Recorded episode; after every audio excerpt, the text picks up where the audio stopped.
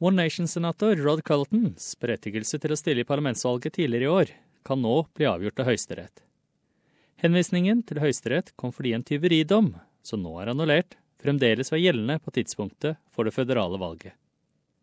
Han er den andre senatoren som er henvist til Høyesterett denne uken.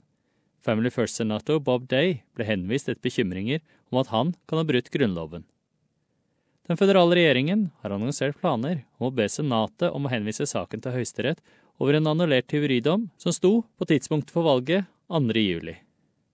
Ifølge Grunnloven er det diskvalifiserende for en person å sitte i parlamentet hvis man har en dom for en straffbar handling som har en strafferamme på fengsel i ett år eller mer.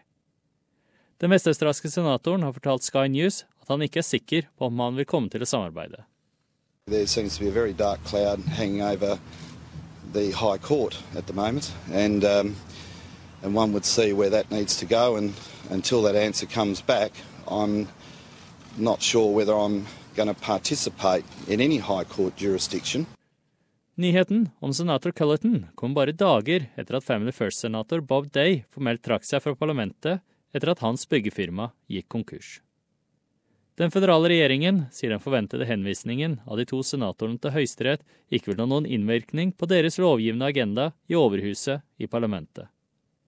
Begge var forventet å støtte regjeringen i passeringen av viktige lover. Advokatgeneral George Brandis har fortalt ABC at deres fravær ikke vil rokke ved regjeringens planer i Senatet. In relation to Senator Day, there's simply a vacancy. There's been a resignation, but because of the peculiarity identified that the possible Section 44.5 issue, then that vacancy can't be filled until the High Court, sitting as the Court of Disputed Returns, deliberates on the matter and the, the validity of Senator Day's election in the first place.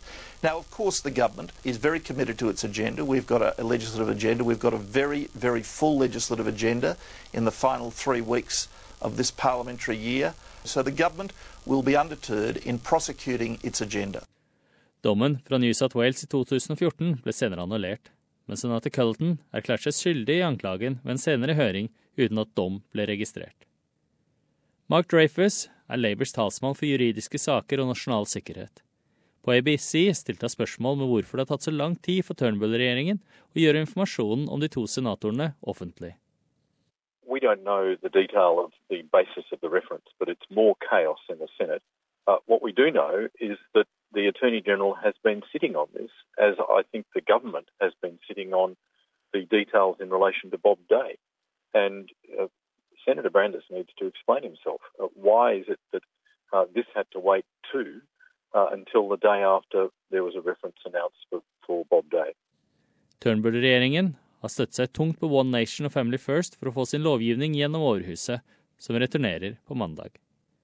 Senator Colton har indikert at han vil avstå fra å stemme mens domstolen behandler saken.